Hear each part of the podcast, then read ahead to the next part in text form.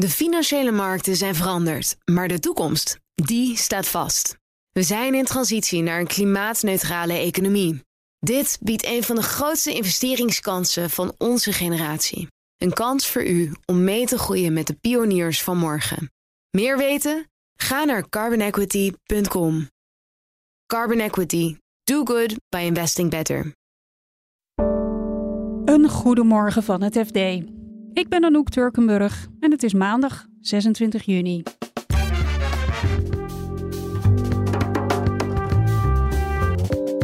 Poetins macht is na dit weekend niet meer vanzelfsprekend. Zijn we nu toch begonnen aan de aanloop zeg maar, naar het einde van Vladimir Poetin? Is dit het begin van het eind dat we nu meemaken? Het aanbod van groene stroom groeit zonder dat er vraag naar is. Is dat de industrie zelf ook heel veel groene stroom moet gaan gebruiken de komende jaren. En die omschakeling ja, die vindt eigenlijk veel te traag plaats. En de afgedankte fietsaccu krijgt een tweede leven. Je kunt ze gebruiken om energie in op te slaan en auto's op te laden op tijdstippen dat het stroomnet bijvoorbeeld overbezet is of uh, andere problemen heeft. Dit is de dagkoers van het FD. Het was een bizar weekend. Huurlingenleger Wagner kwam in opstand tegen de Russische president Poetin.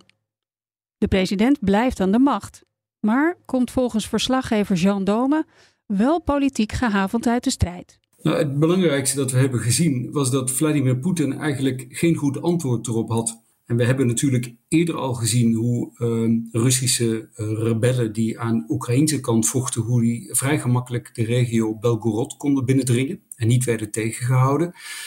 En nu zien we een, uh, nou ja, de baas van een huurlingenleger eigenlijk vrij gemakkelijk oprukken in de richting van Moskou, zonder tegengehouden te worden. Dat het uiteindelijk stopte, dat is te danken aan het besluit van meneer Prigozhin zelf om daarmee te stoppen.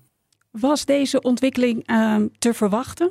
Nou, het rommelde al langer tussen Wagner en uh, het reguliere Russische leger. Daar zat veel uh, afgunst. Wagner, meneer Prigozhin, klaagde er ook over dat hij niet voldoende munitie kreeg. Dat hij, uh, nou ja, hè, terwijl hij zei: Ik ben toch degene geweest die de stad Bakhmut heeft veroverd. Dat is het enige militaire succes van enige omvang van het Russische leger in het afgelopen jaar.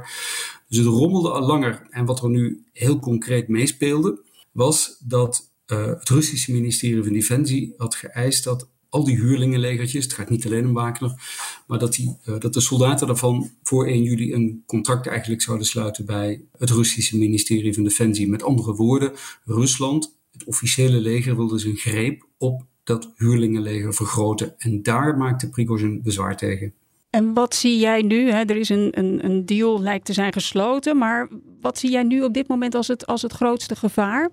Nou, het belangrijkste signaal, denk ik, dat uh, hiermee gegeven is, ook aan de Russische bevolking, is dat Poetin, wanneer een puntje bij paaltje komt, de situatie niet onder controle heeft. Britse minister van Defensie, die schatte in februari al dat 97% van het actieve Russische leger in Oekraïne zit op dit moment. En je ziet dat er dan een, ja, een soort vacuüm ontstaat, een enorme kwetsbaarheid van het regime in eigen land. En de grote vraag is, nou ja, wanneer het nou niet lukt met die oorlog in Oekraïne, wanneer het slechter blijft gaan, wanneer Oekraïne successen boekt bij tegenoffensieven.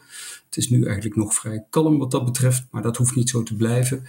Is Poetin dan in staat om nieuw verzet kop in te drukken? Of zijn we nu toch begonnen aan de aanloop, zeg maar, naar het einde van Vladimir Poetin? Is dit het begin van het eind dat we nu meemaken? Niet te weinig, maar juist te veel groene stroom is een probleem. En dat brengt dan de klimaatdoelen in gevaar. Je hoort energieredacteur Bert van Dijk. Hij weet hoe we aan dit overschot komen. Ja, dat klinkt een beetje gek misschien, maar dat komt vooral omdat we ja, eigenlijk um, te weinig vraag hebben. De vraag is achtergebleven de afgelopen 15 jaar. Die is eigenlijk stabiel gebleven, nog net zoveel als 15 jaar geleden, terwijl er wel veel en veel meer windturbines zijn bijgekomen en zonnepanelen. Uh, en dat is helemaal scheef gegroeid. Dus dat betekent dat op bepaalde momenten, dus als het waait of als de zon schijnt, dan hebben we zoveel energie, zoveel elektriciteit, dat we daar, ja, dat is meer dan genoeg voor Nederland. Dus dan gaan we dat, ja, dat leidt tot allerlei kosten. Dat moeten we dan uh, uh, tegen negatieve prijzen wegzetten. dus dat kost geld. Of we moeten zonneparken afschalen, afschakelen, windturbines uitzetten. Ja, daar moet je ook voor betalen als energiebedrijf. Dus dat kost allemaal geld. En dat is zo scheef gegroeid dat, dat die kosten en ook die periodes waarin dat plaats gaat vinden, dat die steeds vaker zullen voorkomen en ook die kosten dus hoger zullen worden.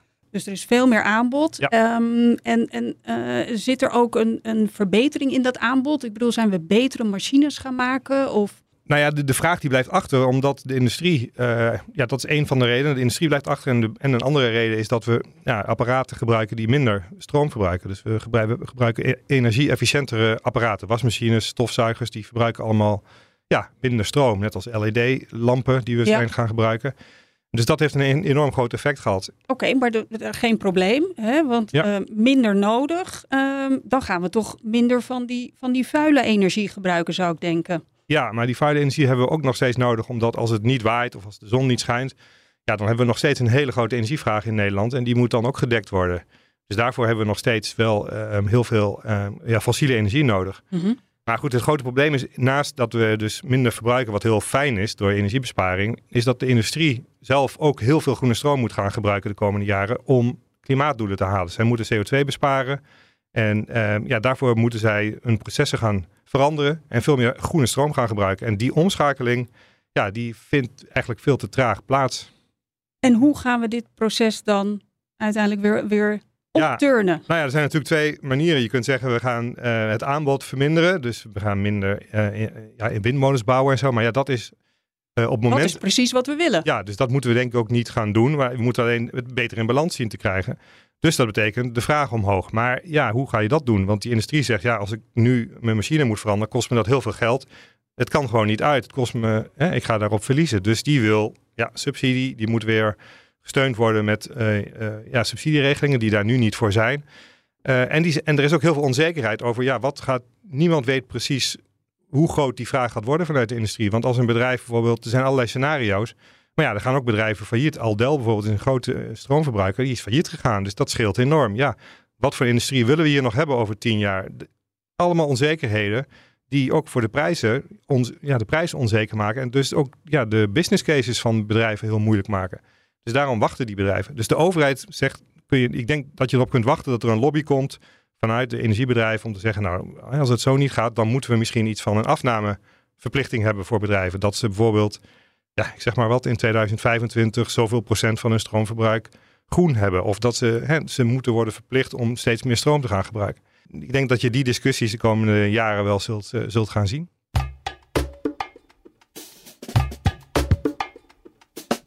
Met de doorbraak van de e-bike groeit ook de berg aan fietsaccu's. Die afgedankte batterijen krijgen nu in Nederland een nieuw leven. Redacteur logistiek Pieter Laukens legt je eerst uit wat er voorheen met deze accu's gebeurde. Nou, die fietsaccu's die kwamen vaak uh, uh, bij de dealer terecht als ze niet meer uh, voldeden of mensen brachten dat ding naar de, naar de milieustraat. Hè. Dat, dan komt hij bij grote afvalverwerkers terecht. Bij de dealer wordt hij opgehaald door Stibat. Dat is een stichting die zorgt voor de inzameling van batterijen. Ook die kleintjes allemaal, maar die doen dus ook die, die grote fietsaccu's. En uh, die gaan dan allemaal naar Lelystad, naar een, een centraal punt. En van daaruit gingen die fietsaccu's altijd naar het buitenland voor recycling. Dus dan worden daar de wat kostbaardere metalen nog uitgehaald. En lithium, kobalt, mangaan, nikkel wordt er ook wel uit, uitgehaald. En ja, dan verdwijnen ze, zeg maar, houdt hun functie als fietsaccu op kan me voorstellen, steeds meer elektrische fietsen. Betekent ook steeds meer uh, batterijen. Dus ook een steeds groter wordende berg met batterijen waar iets mee moet gebeuren. Ja, dat klopt. Uh, in de afgelopen jaren is natuurlijk het aantal elektrische fietsen, of e-bikes, uh, hoe de meeste mensen dat, dat noemen, dat is natuurlijk enorm gestegen. er zijn honderdduizenden van die fietsen worden jaarlijks verkocht. Volgens mij is het al het, het, merendeel van de fietsen die worden verkocht, die, is al een e-bike. Zo zoetjes aan is het aantal, uh, gaat al richting de 4 miljoen in, in Nederland. Dus dat levert ook uh, na verloop van tijd, na een aantal jaren, levert dat ook die afgedankte fietsaccu's allemaal op. En hoe lang gaat zo'n accu eigenlijk ongeveer mee? Nou, dat kan verschillen. Ik hoorde van kenners dat het soms drie jaar is, soms is het zeven jaar. Gemiddeld laten we het houden op, op, op vijf jaar. Dan eh, gaan uh, die accu's uh, kuren vertonen. En dan laden ze minder snel op of ze lopen sneller leeg. Uh, er kan van alles mee, mee zijn. En dan worden ze dus meestal afgedankt tot nu toe. En er zijn dus nu twee Nederlandse bedrijven die, die daarmee aan de slag gaan met die accu's. Ja, dat klopt. Ik ben bij twee geweest. Dat, een daarvan is een reparatiebedrijf, dat is Novos uit Amersfoort. Die repareert dus fietsaccu's, zodat ze nog weer langer meegaan. Het andere bedrijf zit dicht bij de Belgische grens in Rijsbergen, dus diep uh, in, in Brabant. Dat is Reefer Battery. Die gebruikt die cellen uit die fietsaccu's om daar grotere opslagsystemen voor energie van te maken. Dus eh, dan kunnen ze gebruikt worden voor noodstroomvoorzieningen. Of je kunt ze gebruiken om energie in op te slaan en auto's op te laden op tijdstippen dat het stroomnet bijvoorbeeld overbezet is of uh, andere problemen heeft. Dus die, die um, hergebruikt die cellen eigenlijk. En moeten die fietsfabrikanten dat eigenlijk niet zelf doen dan? Sommige fietsfabrikanten doen het wel. Bijvoorbeeld Stella. Uh, Decathlon doet het ook wel. Uh, Swapfiets, de bekende uh, fiets met de blauwe banden, die laat zijn accu's ook refurbishen of repareren als er iets mee is. Maar die grote fietsfabrikanten, dan heb je het over de traditionele fietsfabrikanten, die doen dat nog niet. En die um, druk vanuit Europa gaat wel toenemen om dat alsnog te doen. Wat voor druk vanuit Europa bedoel je dan? Nou, ten eerste um, er is natuurlijk vanuit Europa komt steeds meer druk om uh, spullen, om ook batterijen langer te gebruiken. Hè? Zeker die, die oplaadbare batterijen, want we willen natuurlijk onafhankelijker worden uh, qua, qua grondstoffen. Daar zitten vrij zeldzame grondstoffen in. Als je die spullen dus langer gebruikt, die accu's, dan hoef je minder een beroep te doen op nieuwe grondstoffen. Het komt de duurzaamheid ook ten goede. Je, komt, eh, je hoeft ook verder geen um, beroep te doen op andere uh, grondstoffen en, productiecapaciteit. Dus uh, men wil toch wat meer naar een circulaire economie. Dat spullen worden langer meegaan in hun originele functie of worden hergebruikt in een, andere, in een ander doel.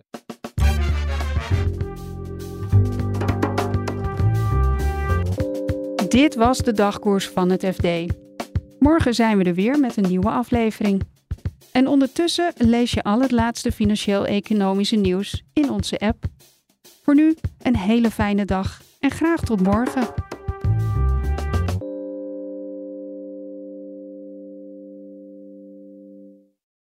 De financiële markten zijn veranderd, maar de toekomst, die staat vast. We zijn in transitie naar een klimaatneutrale economie. Dit biedt een van de grootste investeringskansen van onze generatie. Een kans voor u om mee te groeien met de klimaatoplossingen van morgen. Meer weten? Ga naar carbonequity.com. Carbon Equity. Do good by investing better.